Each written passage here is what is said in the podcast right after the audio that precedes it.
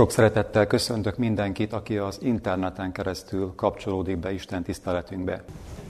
Kedves gyülekezet, a mai igéhirdetésnek az alapigéjét a 73. Zsoltár 17. verséből szeretném olvasni. Tehát a 73. Zsoltár 17. verse lesz a mai igéhirdetésnek az alapgondolata. Kérem, hogy tehát aki teheti, lapozza fel ezt a Bibliában. 73. Zsoltárnak a 17. verse. Ahogy látni fogjuk ezt a igeverset most kicsit a szöveg összefüggéséből kiragadva fogom idézni, de majd később szeretnék rátérni arra is, hogy milyen körülmények között hangzott el ez az igevers. Tehát így hangzik a 73. Zsoltárnak a 17. verse. Míg nem bementem az Isten szent helyébe, megértettem azoknak sorsát. Azért választottam ezt az igeverset, mert egy számomra egy tapasztalat is kapcsolódik ehhez a vershez és a Zsoltárhoz magához is. Ez a Zsoltár volt az, ami számomra sokat jelentett, mert a szentély tanítására irányította a figyelmemet, különösen ez a verse, és talán többen emlékeznek rá, egyik alkalommal egy délutáni óra keretében pont ezen a helyen tanulmányoztuk ezt a Zsoltárt, ennek már jó ideje, és azóta is egy kedves Zsoltár számomra ez és igevers, ez a 17. vers, tehát a, a szentére irányítja a figyelmünket. Asszáf a Zsoltárnak a szerzője, ugye, aki lévita volt, és hát ilyen módon a templom szolgálatához is kötődött az ő munkája, valóban megtehette, hogy fizikailag is belépett a szent sátorba, hisz akkor még csak ez létezett, a mi számunkra viszont van lehetőség arra, hogy mi a menyei szentek szentjébe lépjünk be. Hisz tudjuk azt, hogy a Biblia alapján az egyértelmű tanítása a Bibliának, hogy nem csak egy ószövetségi földi szentély létezett, ugye ez már a múlté, hanem az új szövetség idejében és napjainkban is létezik egy mennyei szentély. Tehát ez az igevers erre irányította a figyelmet, és ezért is választottam ezt a témát a mai napra. Úgy gondolom, hogy erről elég ritkán esik szó. Na azért azt el lehet mondani, hogy ha az advent mozgalomon belül egy tanítást kellene kiválasztanunk, ami leginkább egyedi, de leginkább különbözünk más egyházaktól, akkor éppen a szentély kérdése lehetne ez. Ugye elmondhatjuk, hogy a szombatot mások is tartják, igaz kevesen, de azért vannak olyanok, akik megtartják a szombatot, és egyéb tanításaink nyomokba vagy bizonyos más formában megtalálható más közösségekben is. A szentély azonban kivétel, ez tényleg azt mondható, hogy egyedi tanítás, tudomásom szerint legalábbis. Azt is elmondhatjuk a szentély tanításával kapcsolatban, hogy még az adventizmuson, az advent mozgalmon belül is a legtöbbet támadott vagy kritika alá tanítás ez. Talán van, akinek a számára ismerős ez a név, hogy Desmond Ford, ugye 70-es évek végétől komoly kritikát fogalmazott meg ezzel a tanítással kapcsolatban, hogy aztán később távozott az advent közösségből, de, de nagyon sok embert befolyásolt. Tehát ezért is talán érdekes és fontos, és mindig aktuális tanítás számunkra a szentély kérdése. Én azonban ebben az igehirdetésben most arra szeretnék leginkább rávilágítani, hogy ez nem csak egy teológiai tanítás, és én sem nem egy teológiai előadást szeretnék tartani, vannak könyvek, vagy vannak tanulmányok, vagy előadássorozatok, amik kifejtik részletesen a szentély tanítását, inkább olyan szempontból foglalkoznánk ezzel a kérdéssel, hogy, hogy ez vajon mennyire áll közel a mi hétköznapi életünkhöz, a hétköznapi életünk problémáihoz, hogyan kapcsolódik ez a kérdés, milyen válaszokat ad a kérdéseinkre. Épp a felolvasott igeiben is ezt láthattátok, hogy Asszáf ezt fogalmazta meg, hogy amikor ő belépett a szentébe, akkor valami történt megértettem azoknak a sorsát. Tehát ez egy különleges tapasztalat volt a számára, valamit megértett, valami megvilágosodott a számára. És úgy, én is úgy gondolom, hogy sok mindenről el lehet mondani, hogy csak a szentélybe fog megvilágosodni számunkra. Ott nyerhetünk különleges felismeréseket. És a, most az igehirdetés során, tehát megvizsgálnánk a, a személyes és a közösség életünknek is néhány területét, néhány fontos területét, úgy gondolom, hogy fontos területek ezek, és meglátjuk tehát, hogy hogyan befolyásolja ezeket a szentély kérdése. Engedjétek meg, hogy felolvassak még egy idézetet a szentély jelentőségéről, a Nagy Küzdelem című könyv 435. oldaláról. Ebben a könyvben is több fejezet foglalkozik a szentély kérdésével, ajánlom figyelmetekbe. Egyáltalán hogyan ismerték föl a mi elődeink ezt a Bibliának, ezt a nagyon átfogó tanítását, egyáltalán mit jelent ez, tehát ebből a könyvből bővebb ismereteket lehet szerezni. Ez az idézet pedig így hangzik, a szentély és a vizsgálatítélet tanát Isten népének jól kell ismernie. Mindannyiunknak tudni kell, hogy nagy főpapunknak mi a tisztsége és munkája. Különben soha nem lesz olyan hitünk, amilyenre most van szükség, és soha nem fogjuk tudni betölteni azt a helyet, amelyet Isten nekünk szán. Benne van ebbe a felolvasott szakaszban a válasz arra a kérdésre, és hogy miért választottam tehát ezt a témát. Látjátok, azt mondja itt a szerző, hogy ezt a tanítást jó kell ismernünk, tehát mindig lehet ebbe fejlődni, mindig érdemes tanulmányoznunk, de van még egy különleges jelentősége is, hogy olyan hitre szeretnénk szert tenni, amilyenre most van szükség, és ezt hangsúlyoznám, ezt a mostot ebből az idézetből. Látjátok, hogy mi zajlik körülöttünk a világban, milyen időkben élünk, milyen gyorsan változik a, a világ körülöttünk, idők jele is hogyan szaporodnak. Úgy gondolom, hogy ezért van még különleges jelentősége annak, hogy azt mondja, hogy most van szükség olyan hitre, amilyen, ö, amilyen lehet, hogy tegnap még elég volt de ma már és most nem elég. Olyan hitre van szükségünk, ami, ami egy különleges hit, amire most van szükség. Soha nem fogjuk tudni betölteni azt a helyet, amelyet Isten nekünk szánt. Ez is nagyon nagy, nagy jelentőségű megfogalmazás. Tehát az Isten különleges helyet készített számunkra, vagy különleges feladatot jelölt ki számunkra, de ezt betölteni csak akkor tudjuk, hogyha a szentély kérdését is világosan látjuk. Tehát azt gondolom, hogy ez elég magyarázat vagy indoklás arra, hogy, hogy ezzel a kérdéssel nekünk foglalkoznunk kell. Tehát nézzünk meg néhány kérdés területet, amire igazán, ami igazán fontos a, a, a szentélyi kérdése szempontjából. Az első terület, melyik lehet az, a hitéletünknek az a kérdése talán, ami a legfontosabb?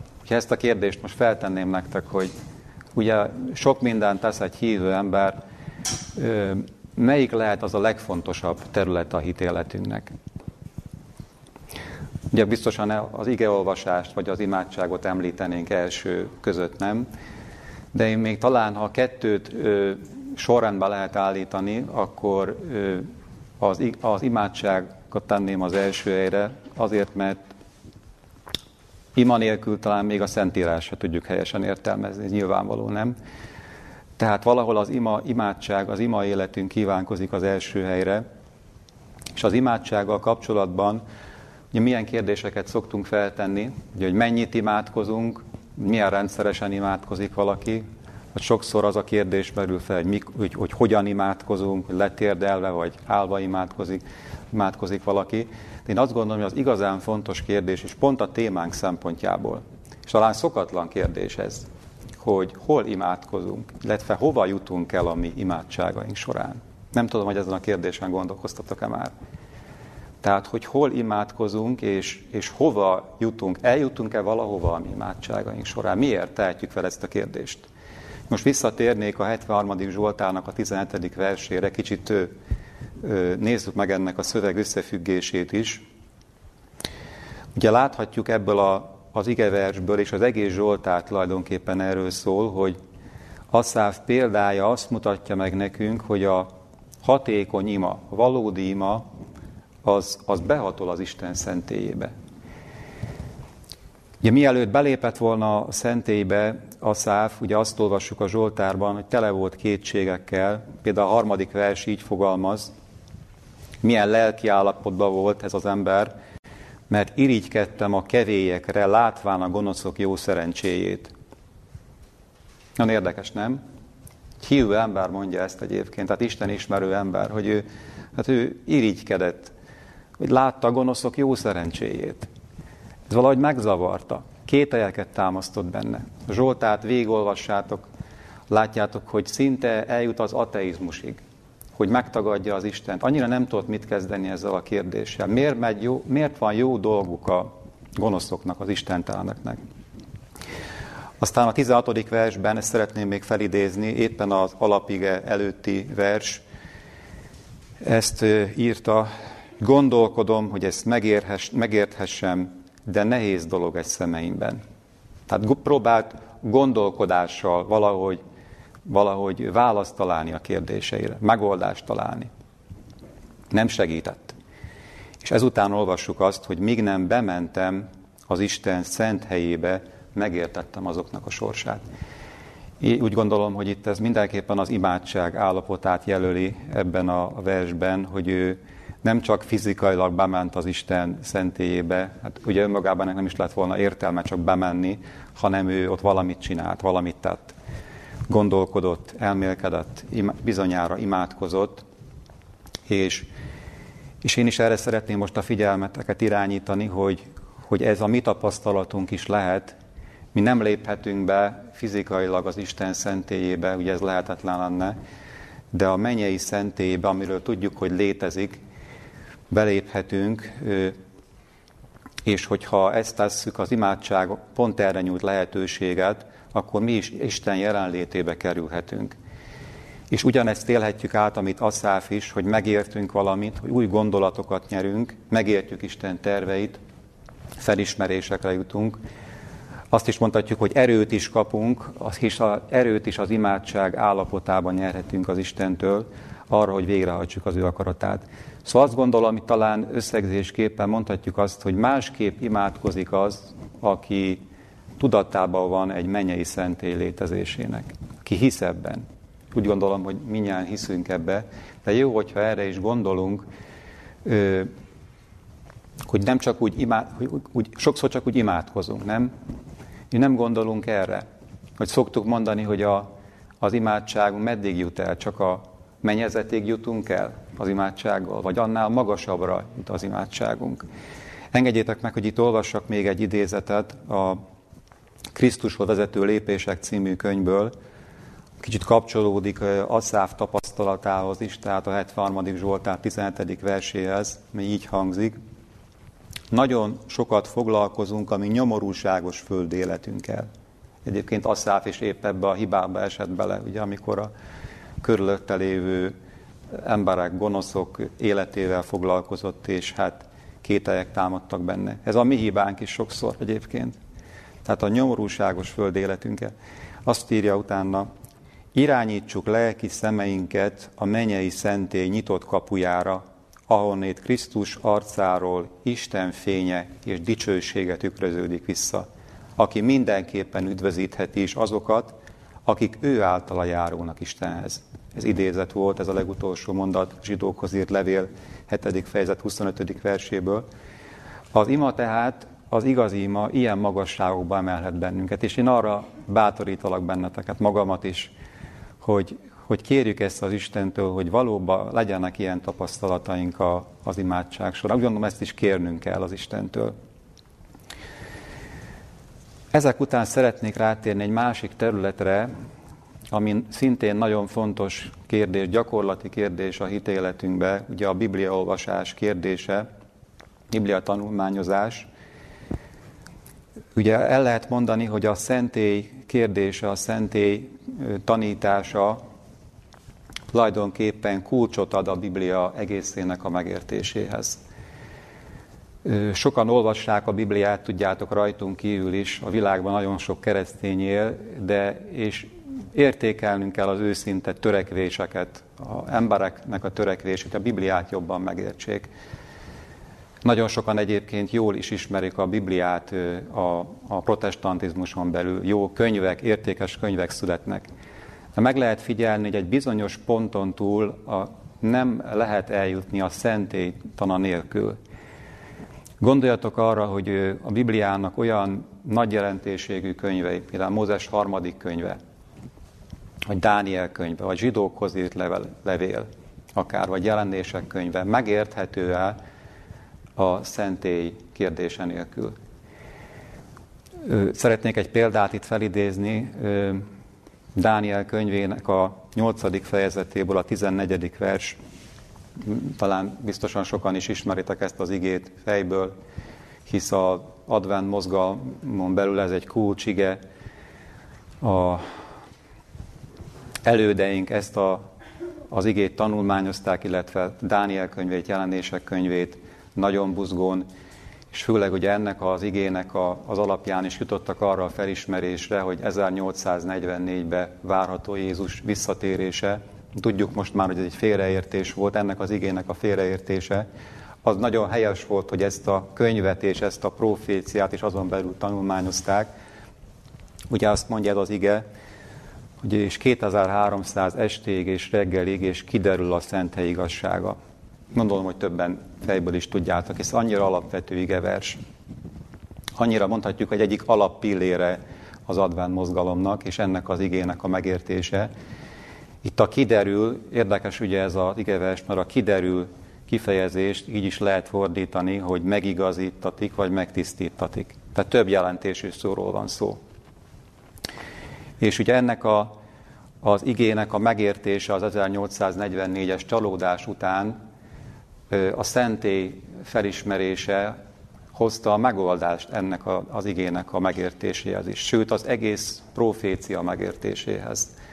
Mondhatnánk, hogy kinyitotta az egész Bibliát előttük, akik ezt tanulmányozták, meglátták az összefüggéseket a Biblia különböző részei között. Tehát milyen fontos, hogy, hogy, hogy a, a szentély tanítását jól ismerjük. Azt is azt hiszem, hogy ki lehet mondani, hogy Bibliának a bizonyos részeit tényleg nem, nem tudjuk megérteni, ha nem a szentély fényében értelmezzük azokat. Gondolatunk más bibliai könyvekre is, akár Ézsaiás könyvére, Jakab levelére, összes könyvet felsorolhatnánk, mindegyiknek van valamilyen mondani valója a szentéről. Akár csak az Ószövetségi Szentély szolgálatra gondoljatok, hogy mennyi információ van például az Ószövetségi könyvekben erről, és nagyon sokan ezzel nem tudnak mit kezdeni hogy itt állatokat öltek meg, hogy ez milyen kegyetlenség, hogy itt mészárolták az állatokat. Ez nem valami pogány dolognak a beszüremkedése a, a, a zsidó vallásba. Nagyon sok kétel van ezzel kapcsolatban. De ha látjuk ugye a, a, a szentély kérdését világosan, az Ó és az Új Szövetség összefüggésében, akkor ezek a kérdések mind megoldódnak, és látjuk a rendszert a, a Szentírásba, ezért mondhatta ugye William Miller, a Advent mozgalom egyik úttörőre, hogy a Biblia az a igazságoknak a rendszere. Tehát egy rendszerről van szó. De ez a rendszer igazán akkor áll össze, hogyha a szentély szemszögéből vizsgáljuk a Bibliát, és ezt tisztán látjuk, világosan értjük. Úgy gondolom tehát, hogy érdemes, ezért is érdemes tanulmányozni ezt a kérdést. Szeretnék tovább lépni ezután egy másik kérdésre, vagy másik területre. Talán lehetett volna ezzel is kezdeni különböző kérdéseket. Jézus személye. Egyáltalán az a kérdés, hogy ki nekünk Jézus. Hisz ha mi is belépünk a szentélybe, erre a kérdésre is mondhatni, hogy új választ kapunk. Biztosan tudjátok, hogy a keresztény világban Jézust ugye mindenki megváltónak tartja, vannak, akik tudják azt is a Biblia alapján, ugye felismert, hogy Jézus teremtő volt. Jézus a teremtésbe is főszereplőként, kivitelezőként vett részt. Ezt már kevesebben vallják, de azért mondhatni, hogy vannak, akik ezt is hiszik. De azt, hogy, hogy Jézus közben járó, hogy Jézus főpap, hogy Jézusnak most is van dolga, komoly feladata, és ez is a mennybe zajlik, ezt rajtunk kívül senki nem, nem hiszi, nem vallja. Szeretnék ezzel kapcsolatban egy igét felidézni a János első levele második fejezet első versehez. Itt azt olvashatjuk, én fiacskáim, Ezeket azért írom néktek, hogy ne védkezzetek, és ha valaki védkezik, van szószólónk az atyánál, az igaz Jézus Krisztus. Itt ezt a szószóló kifejezést szeretném kiemelni, ugye itt szerepel az a bizonyos paraklétosz görög szó, lehet, hogy sokak számára ismerős, vagy hallottuk már ezt a szót, paraklétosz.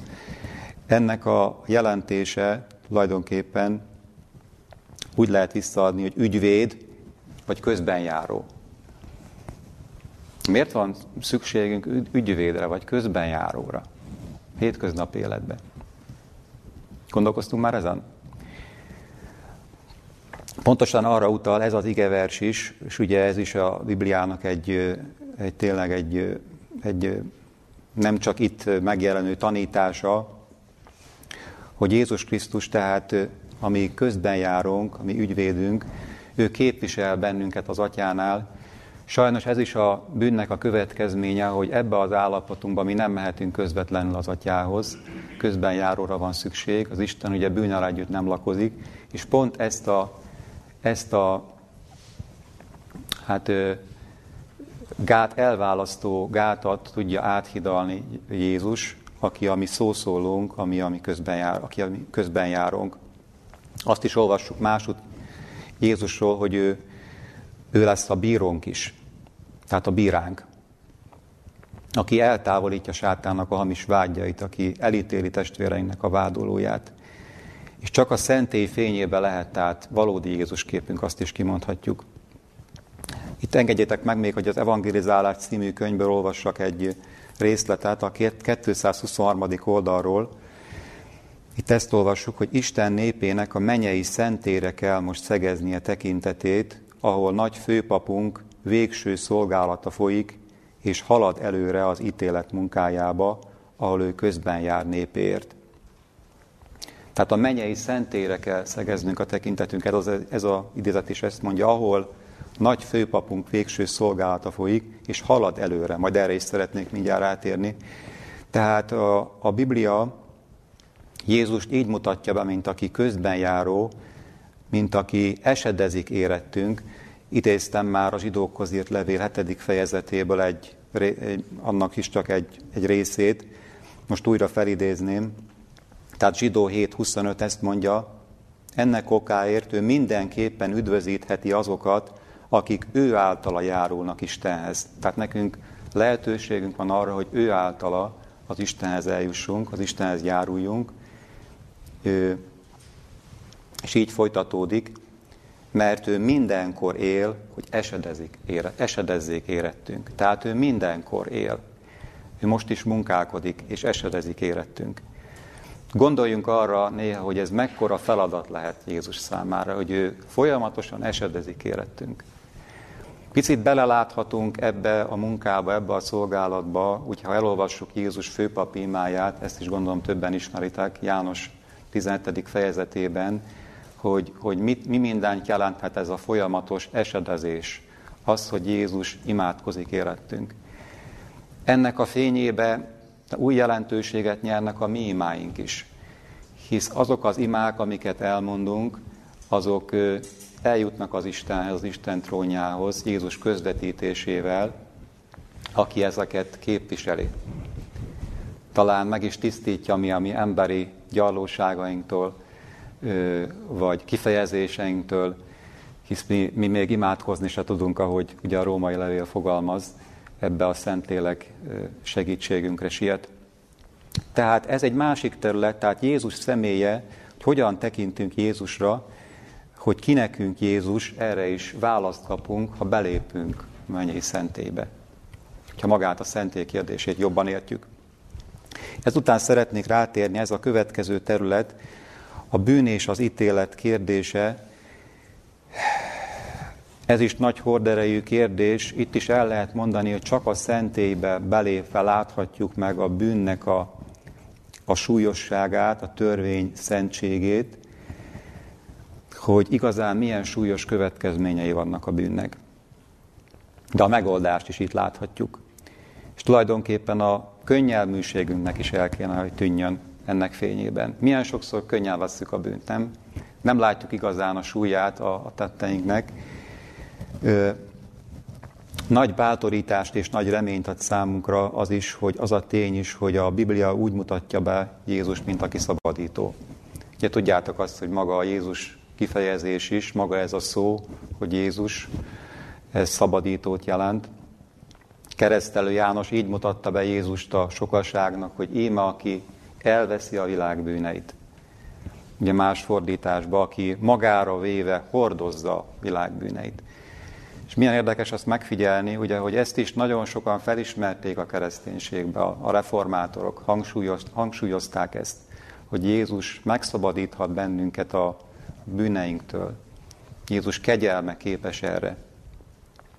És ők is a keresztre irányították a figyelmet. És valóban helyén való is ez. De a szentélytana ugye annyival egészíti ki ezt a képet, hogy igen, Jézus elveszi a mi bűneinket, megszabadít bennünket azoktól, de a teljes szabadulás, az, ahhoz, hogy teljes szabadulást legyen a bűntől, ahhoz egy folyamat is kapcsolódik. Tehát a, tulajdonképpen azt is kimondhatjuk, hogy ez a szabadulás nem csak egy esemény. Noha ez az esemény volt a legfontosabb nyilván, kereszt, Jézus kereszt halála. De a teljes képhez hozzátartozik az, hogy utána van egy folyamat. És mi ez a folyamat? Mit gondoltok? Ugye ez pontosan a vizsgálati ítéletnek a folyamata, amiről tudjuk, és hát ez is egyik alapvető tanításunk, és utaltam már erre az igére, ami alapján ezt tudjuk. 1844-től kezdve a mennybe különleges esemény zajlik, vagy mondhatnánk nem is esemény ez, hanem egy folyamat, a vizsgálatítélet. És ezt a ö, Bibliában is benne van, és a Biblia is utal rá több helyen, az Új Szövetségben is. Én is szeretnék egy igét felidézni. Péter apostol első leveléből a negyedik fejezet 17. verse, ami talán egyik legismerte vagy legalapvetőbb igevers, ami arra is rámutat, hogy ez az ítélet kivel kezdődik. A vizsgálatítélet kikre irányul először. Tehát Péter apostol első levele, negyedik fejezet, 17. verse következőképpen hangzik. Mert itt az ideje, hogy elkezdődjék az ítélet az Istennek házán. Ha pedig először mi rajtunk kezdődik, mi lesz azoknak végük, akik nem engedelmeskedtek az Isten evangéli- evangéliumának? Megdöbbentő ez az igevers olyan szempontból is, ugye, hogy felteszi azt a kérdést is, hogy mi lesz azoknak végük, akik nem engedelmeskednek az Isten evangéliumának. Ugye, hogy lesz ítélet.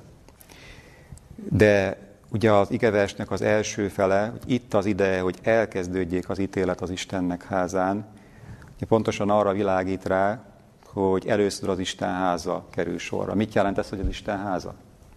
Tehetnénk fel a kérdést. Nyilván itt azokra utalhatott az ige, akik bűneiket megbánták, akik az Isten mindenkori népéhez tartoztak, igényt tartottak az Isten bűnbocsátó kegyelmére, tehát ezzel éltek. Bűneiket mondhatnánk áthárították a szentére, akár az Ószövetségi szentére, ugye ha akkor éltek, az őszövetség ideje alatt éltek, vagy pedig a új szövetség idejében, ugye amikor már csak a mennyei szentély létezik, áthárították tehát a bűneiket a mennyei szentére. Tehát a bűnök már nem őket terhelik, hanem átkerült egy másik helyre. Milyen érdekes, ugye, hogy a bűneink valahol még ott vannak, feljegyzésként a mennyei szentély terhelik. És ezért mondhatjuk azt, hogy az ítélet és ugye a szabadulás is ezzel együtt a Biblia szerint egy folyamat, ami most is zajlik napjainkban, mert most, pontosan most zajlik ez a folyamat, és napjainkban is az ítéletnek a munkája, a szentély megtisztítása, ahogy mondani szoktuk. Ezzel kapcsolatban engedjétek meg, hogy felolvassak még egy idézetet. Ez a Ellen White-nak ez a könyve nem jelent meg magyarul, így lehetne lefordítani a címét, hogy igaz megújulás, tehát igazi megújulás, és ennek a könyvnek egy, egy rövid részlete, néhány mondatát szeretném felolvasni. 1844-ben a mi főpapunk belépett a mennyei szentek szentjébe, hogy megkezdje a vizsgálatételet munkáját. Tehát erre már utaltunk. Mindeddig és jelenleg is az elhunyt igazak ügyei kerültek és kerülnek elé vizsgálat céljából. Pontosan erre utal Péter apostol első levele. Amikor ezzel a munkájával az ítéletben elkészül, az élőkre kerül a sor.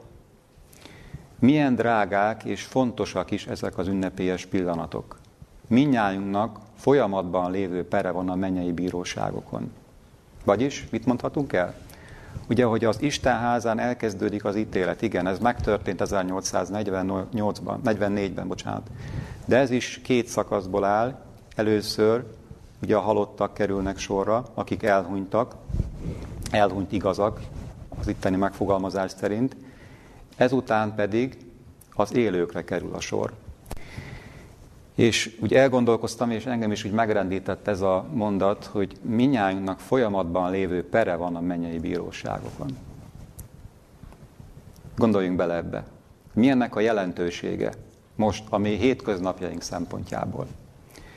Éljük az életünket, telnek a dolgaink, végezzük a dolgainkat. De belegondoltok abba, hogy, hogy naponta zajlik ez a per a mennyei bíróságokon, milyen drágák és fontosak ezek az ünnepélyes pillanatok. Tulajdonképpen már azt lehet mondani, hogy már régóta zajlik, ugye 1844, múlt század közepe, mióta zajlik már ez a vizsgálati ítélet. De mit kell tennünk nekünk ez idő alatt? Van-e feladatunk? Ugye itt is visszautalhatok újszövetségi jelképekre, talán mindjárt hallottatok a nagy engesztelési napról, ugye, ami szintén nagyon fontos ószövetségi ünnep a témánk szempontjából, amit azonban megelőzött a kürdzengés ünnepe, tíz nappal. És a kürdzengés, ugye a kürt maga a figyelmeztetésnek a jelképe, ami önvizsgálatra hívta az izraelitákat, vizsgálják meg a saját életüket, pont a nagy engesztelés előtt, ugye, ami a végső vizsgálatítéletnek az előképe volt, tehát nagy engesztelési nap, önvizsgálatra volt szükség, hogy, hogy hogyan éljük az életünket. Annak tudatába, hogy bármikor ránk kerülhet a sor tulajdonképpen. Nem? Mert ugye azt a kérdést is fel lehetne itt tenni, hogy miért folyamat az ítélet. Hát az Isten nem látná hát egy pillanat alatt minden embernek a, a sorsát, a helyzetét egy szempillantásban? Mit gondoltok? Az Isten képes lenne erre? Nyilvánvaló az Istennek meg, meg lenne erre a tudása, legalábbis ahogy a Biblia alapján összeállhat bennünk egy kép arról, hogy az Istennek tényleg, tényleg mindent tudó, mindent lát, és úgy gondolhatjuk, hogy ez az ítélet, hogy az ítélet folyamatként jelenik meg a Bibliában, ez is miattunk van, hogy erre mi fel tudjunk készülni, hogy tudjuk gyakorolni ezt az önvizsgálatot, hogy a saját életünket megvizsgáljuk úgy élhetünk most napjainkban, hogy tudjuk, hogy közben ugye a mennybe ez az ítélet zajlik, folyamatban lévő per, ugye, ahogy Ellen White fogalmazott. Kihat-e ez a mindennapi életünkre, a dolgainkra, a tetteinkre, hogy hogyan éljük az életünket? Úgy gondolom, hogy igen, mindenképpen szükséges, hogy, hogy ez, ez, ez szinte naponta eszünkbe jusson, Szeretnék még idézni egy rövid mondatot az Evangelizálás című könyvből, a 224. oldalon található ez. Mi alatt Krisztus megtisztítja a szentét, itt a földön az imádkozók gondosan tekintsék át életüket, jellemüket pedig mérjék Krisztus életszentségéhez. Tehát ez arra világít rá, hogy igen, önvizsgálat, de itt is kérdés, hogy minek a fényébe vizsgáljuk meg magunkat, vagy csak magunkat nézzük, vagy szemléljük, ugye ez még nem lenne elég, de jellemünk, jellemünknek, jellemünket mérjük Krisztus életszentségéhez. Tehát az önvizsgálatban legyen ez a fő szempont, Krisztus életszentsége. Milyen életet élt Jézus? Mit tett Jézus a föld élete során? Hogyan viszonyult az emberekhez? Hogyan beszélt? Ugye ezért fontos, hogy Jézus életét is tanulmányozzuk gyakran, hogy ez az életszentség, Krisztus életszentsége, Krisztus jelleme ott éljen bennünk, hogy, hogy ez a mérce világos legyen számunkra. És még egy mondat ehhez, vagy még néhány mondat folytatásul. Jellemetek ruháját addig kell mosnotok a minden szenny előtt nyitva álló kútfőben, míg makulátlanná nem válik. Erkölcsi értéketek a szentély mérlegén kerül megítélésre, és ha hiával találtattok, örök veszteségben lesz részetek. Jellemetek minden durvaságának és csiszolatlanságának el kell tűnnie Jézus eljövetel előtt, mert eljövetelével minden lélek felkészülés ideje véget ér. És én szeretném, hogyha ebben nem csak a magas mércét látnánk, ami talán nyomasztólag is hathat, hogy hát ide kellene eljutni, és hát milyen messze vagyok még ettől én, nem? Nincs bennetek ez, vagy nincs bennünk ez, hogy jellemünk minden durvasága, vagy minden csiszolatlansága, hogy ez eltűnjön, hogy ez lehetséges. De mekkora munka ez? Sokszor lehetetlennek tűnik. Mennyiszer ugye jön az életünkbe egy kis türelmetlenség, vagy, vagy esetleg egy olyan szó, amit nem is tudtuk, hogy honnan jött. Szinte váratlanul kijött a szánkon, és valakit megbántottunk, vagy mennyiféle durvaság, vagy, vagy rejtett hibák, vagy bűnök, csiszolatlanság, de a szentélybe belépve azt is látjuk igazán, hogy mi a, mi a mérce számunkra, és ebbe is segítségünk lesz, segítségünkre lesz a szentébe való belépést, erőt is kapunk a szentében igazából, hogy legyőzzük ezeket a durvaságokat. Tehát én ezt szeretném kidomborítani igazából, hogy ez egy ígéret is, ez egy lehetőség. Belépve az Isten szentélyébe nem csak megértünk dolgokat, nem csak tisztában látunk dolgokat, hanem erőt is kapunk ahhoz, hogy ezt a mércét megvalósítsuk a mi életünkbe is. Hisz ha ez nem történik meg, akkor nem léphetünk be az Isten országába sem. Ezek után szeretnék mégis már tényleg a befejezéshez közeledve három gyakorlati területet még említeni, ami változhat, aminek a megítélése változhat, és remélem, hogy változik is, hogyha ezt a szentély fényébe tesszük meg, ha belépünk a szentélybe, Aszáv példáját követve. Ez a három terület pedig az emberi kapcsolataink, az Isten tiszteleti gyakorlatunk és az egészségügy üzenetünknek a kérdése. Mert szeretnék rávilágítani mindjárt arra is, hogy még ezekre a kérdésekre is kihat az, hogy mi, mi most be tudunk lépni az Isten szentébe, vagy nem, vagy a szentély szemszögéből nézzük ezeket a kérdéseket, vagy nem. Az első az emberi kapcsolataink.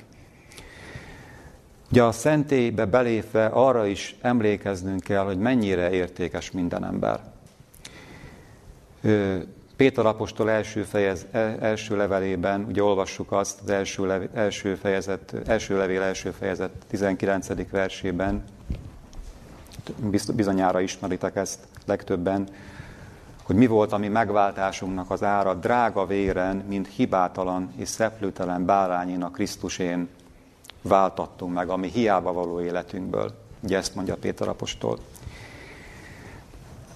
hogyha szem előtt tartjuk az emberek értékét, ha tisztán látjuk azt, hogy minden egyes ember, és itt most tényleg nem csak magunkra gondolok, nem csak hívő emberekre gondoljatok, hanem minden egyes emberre, aki ezen a földön él. Mondhatjuk, hogy valódi érték. És egyformán nagy érték az Isten szemében. És hogy mindenkire igaz ez, hogy, hogy nem ezüstön és aranyon váltattak, váltattak meg, hanem drága vélen. Akkor hogyan tekintünk a körülöttünk élő emberekre? Valóban látjuk azt, hogy minden egyes emberben mekkora érték rejlik, és ne csak a tehetségekre gondoljatok, akik, akik tényleg olyan különleges nagy talentumok a, a világban, hanem minden egyes emberre, hétköznapi emberekre, ami körülöttünk élnek, munkás emberek, egyszerű emberek. Mindenkiben mekkora érték van, és mekkora érték veszik el, akkor, hogyha ezek az emberek nem jutnak be az Isten országába. Sajnos ennek is megvan a lehetősége nyilván. Tudjuk azt is, hogy mekkora az adván nép felelősség ebben. Tehát, hogyha, hogyha a szentély fényében nézzük ezt, valahol el kell, hogy tűnjön a közömbösségünk. Azt is hozzá kell itt tennem, és elnézést kérek, hogy ilyen, ilyet is említek, de lehet, hogy ezt a gyülekezetet ez nem is érint igazából, legalábbis remélem, de hogy mennyiszer vannak torzsalkodások, vagy vitatkozások egy gyülekezetben ezek milyen sokszor megkeserítik az életünket, nem? Mit gondoltok, hogy ha mi tényleg belépünk az Isten szentélyébe, ahogy Aszráf is tette, tudunk még utána vitatkozni? Vagy torzsalkodni, vagy neheztelni valakire? Akár egy testvérünk, akár egy kívülállóval. Ne, nehéz lesz, hisz látjuk, látjuk az értékét azoknak az embereknek. Látjuk, hogy ők is hozzánk hasonló esendő emberek, ugyanúgy küzdenek, nekik is megváltásra van szükségük, Jézus közbenjárására. Tehát valahogy jó lenne, hogyha így gondolkoznánk minden egyes ember, aki körülöttünk élnek. Ehhez is tehát, és elnézést, sokat ismétlem ezt, hogy be kell lépnünk, tehát nekünk is a, a szentébe. Mondom, Aszáf példája pont, pont ezt mutatja meg a 73. Zsoltárban. Egy következő terület az Isten tiszteleti gyakorlatoknak a kérdése. Egy másik gyakorlati terület tehát. Ha belépünk a szentélybe, akkor az Isten szentségét is tisztában látjuk. Sok ige van a Bibliában ezzel kapcsolatban, csak egyet idéznék Ézsaiás könyve 6. fejezetéből, az első verseket. Ugye ez egy látomás volt, amit Ézsaiás proféta maga élt át. Ő is bepillantást kaphatott a mennyei világba, és figyeljétek meg, hogy mit látott Ézsaiás 6. fejezetében. Az első verstől olvasom. Amely esztendőben meghalt Uziás király, láttam az urat ülni magas és felemeltetett székben. És palástja betöltötte a templomot. Szeráfok álltak felette. Mindegyiknek hat-hat szárnya volt. Kettővel orcáját fette be, kettővel lábait fette be, és kettővel lebegett. És kiáltott egyik a másiknak, és mondta, Szent, szent, szent a seregeknek, Ura, teljes mind a, a széles föld az ő dicsőségével. Nem hogy érzitek, és ugye ezek a szavak azt próbálják velünk érzékeltetni, hogy az Isten mennyire szent, és itt most nem, nem úgy kell, hogy tekintsünk az Istenre, hogy ilyen félelmetes valaki, de az, hogy az angyalok is ö, hogyan közeledtek hozzá, hogyan jelentek meg előtte, azért sok mindent elárul. Tehát sokféle gondolatot kiválthat bennünk. Gondoltok-e arra, hogy amikor a mi Isten tiszteleten veszünk részt, tulajdonképpen az Isten jelenlétébe kerülünk. Ez igaz lehet, ha ezt otthon tesszük, otthon imádkozunk, vagy az igét olvassuk, de amikor gyülekezetként jövünk össze, akkor is igaz. Egyébként érdekes, megfigyeltem azt, hogy több nyelvben a, a gyülekezeti terem, tehát ahol összegyűlnek testvérek imádságra, ige hallgatására, a szentélynek is nevezik. Tehát szentély. Tulajdonképpen egy szentélybe lépünk be, amikor eljövünk a gyülekezetbe. Fel kell tennünk azt a kérdést magunknak, hogy miért is jövünk ide, nem? Hogy, hogy társaságért jövünk, vagy vagy akár a zenehallgatásért, vagy netán szórakozásért. Ugye, ha rádöbbenünk arra, hogy a szentébe vagyunk, akkor ez valahogy kihat, a, gondolom, hogy ki kell, hogy hasson a mi viselkedésünkre, a, a beszélgetéseinkre is, még az öltözködésünkre is, mert az Isten jelenlétébe kerülünk, amikor mi az Isten házába megyünk. Van egy ilyen könyv, egy protestáns szerző írta, nem tudom melyik egyháznak a tagja, de nagyon elgondolkodható a könyvnek a címe, mert ez volt a könyv címe, hogy Lezsér kereszténység. Milyen érdekes, nem? És a szerző itt ugye egy általános hát, irányzatként fogalmazta meg ezt, ami elterjedt a kereszténységbe, hogy mindenki olyan lezserré kezd válni, hogy olyan, hát olyan úgy teszünk, mintha az Isten nem is létezne, mintha elmegyünk egy gyülekezetbe, és ott csak összejövünk, hogy jól érezzük magunkat, hogy eltöltsük az időt, egyfajta ilyen lezser kereszténységnek a kialakulását láthatjuk napjainkba, és ez mondom egy általános jelenség. Mennyire kell vigyáznunk, hogy ez a mi sorainkban ne szűrődjön be, ugye ez a gondolkodás. Tehát ez is egy fontos terület. És a legutolsó kérdésre térnék rá, az egészségügyi üzenetünknek a kérdése, és számomra ez a legkedvesebb, mert többen tudjátok, hogy én ezzel a területtel foglalkozom. Igen, még, még ez is összefügg valahol a szentéllyel.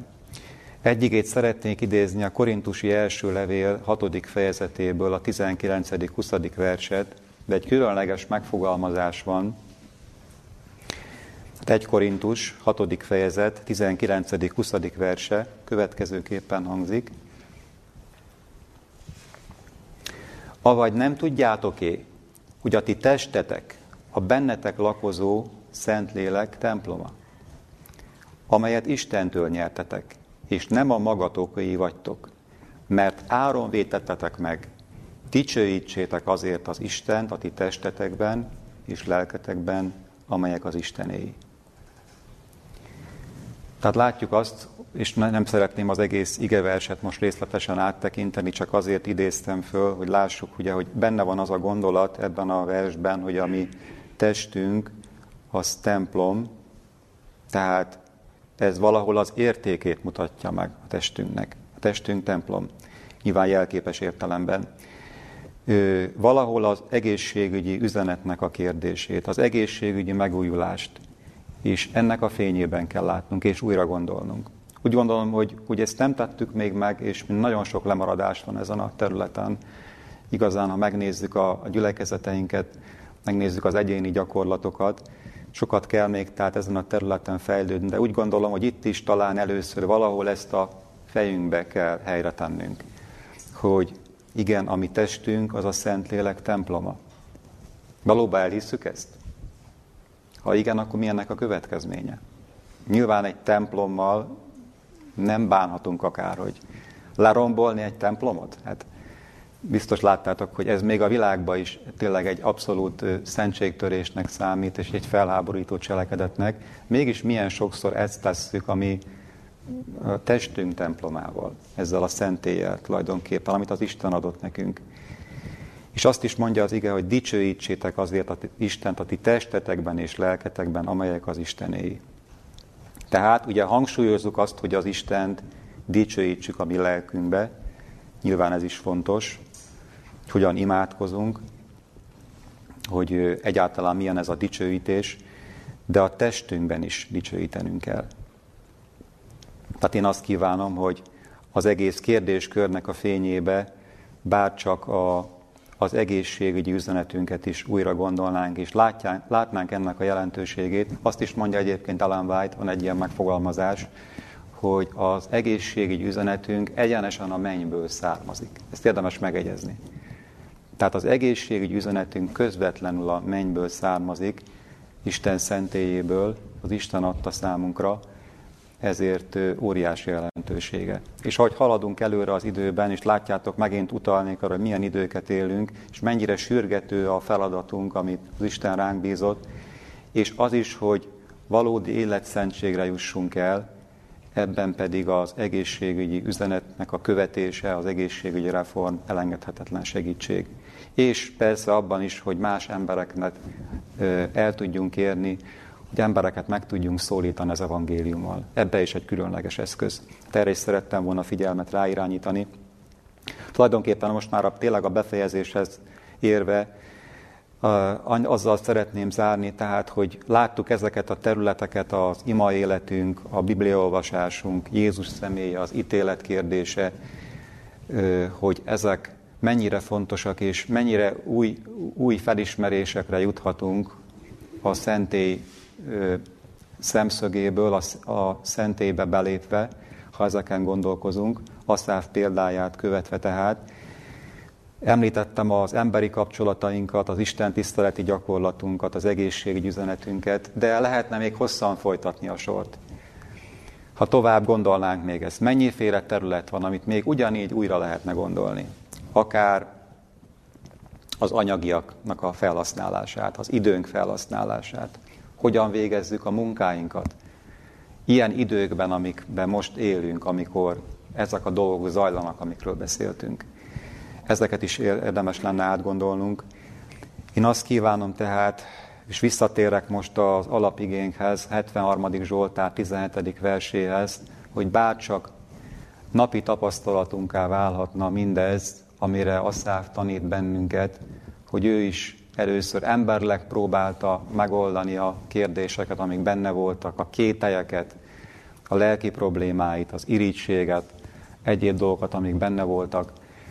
Hogyha látjuk az ő példáját, ne menjünk végig ezeken a hasonló, hozzá hasonló ezeken a lépcsőfokokon, hogy, hogy mi is szinte eljutunk az ateizmusig, ahogy, ahogy ő esetében láthatjuk a 73. Zsoltárba, hanem tegyük rögtön ezt, amit ő is javasolt, hogy belép, beléptem a mennyei szent, szentélybe, és akkor megértettem azoknak a sorsát.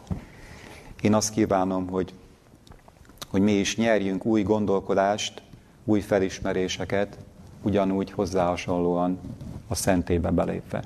A Jóisten segítsen ebbe bennünket. Amen.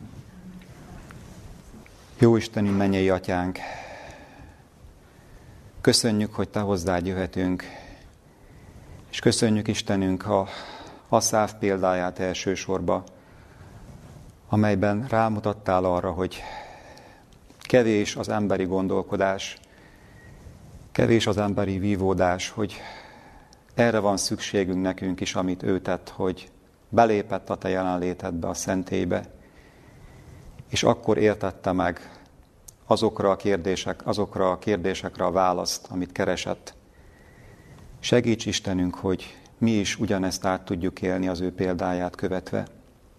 Segíts Istenünk, hogy a mi imádságaink valóban ne csak formaságok legyenek, Segíts Istenünk, hogy őszintén tudjuk feltárni a mi szívünket Te neked, és segíts, hogy gondolj tudjunk mindig arra is, hogy van közben járunk, van főpapunk,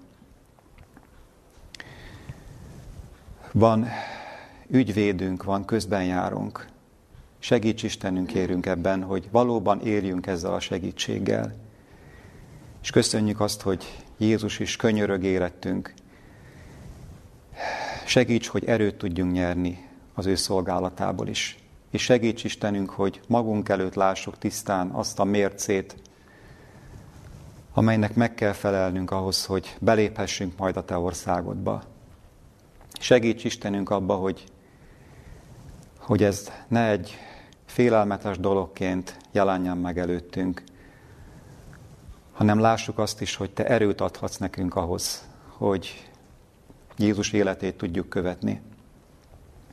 Köszönjük Istenünk ezt, köszönjük, hogy ő esedézik érettünk, és aki nem csak elvette a mi bűneinket, hanem magára véve hordozza is azokat, és képes bennünket megtisztítani napról napra ezektől. Köszönjük, hogy most mindezekről gondolkozhattunk. Jézus nevében jöttünk hozzád. Amen. Jézus,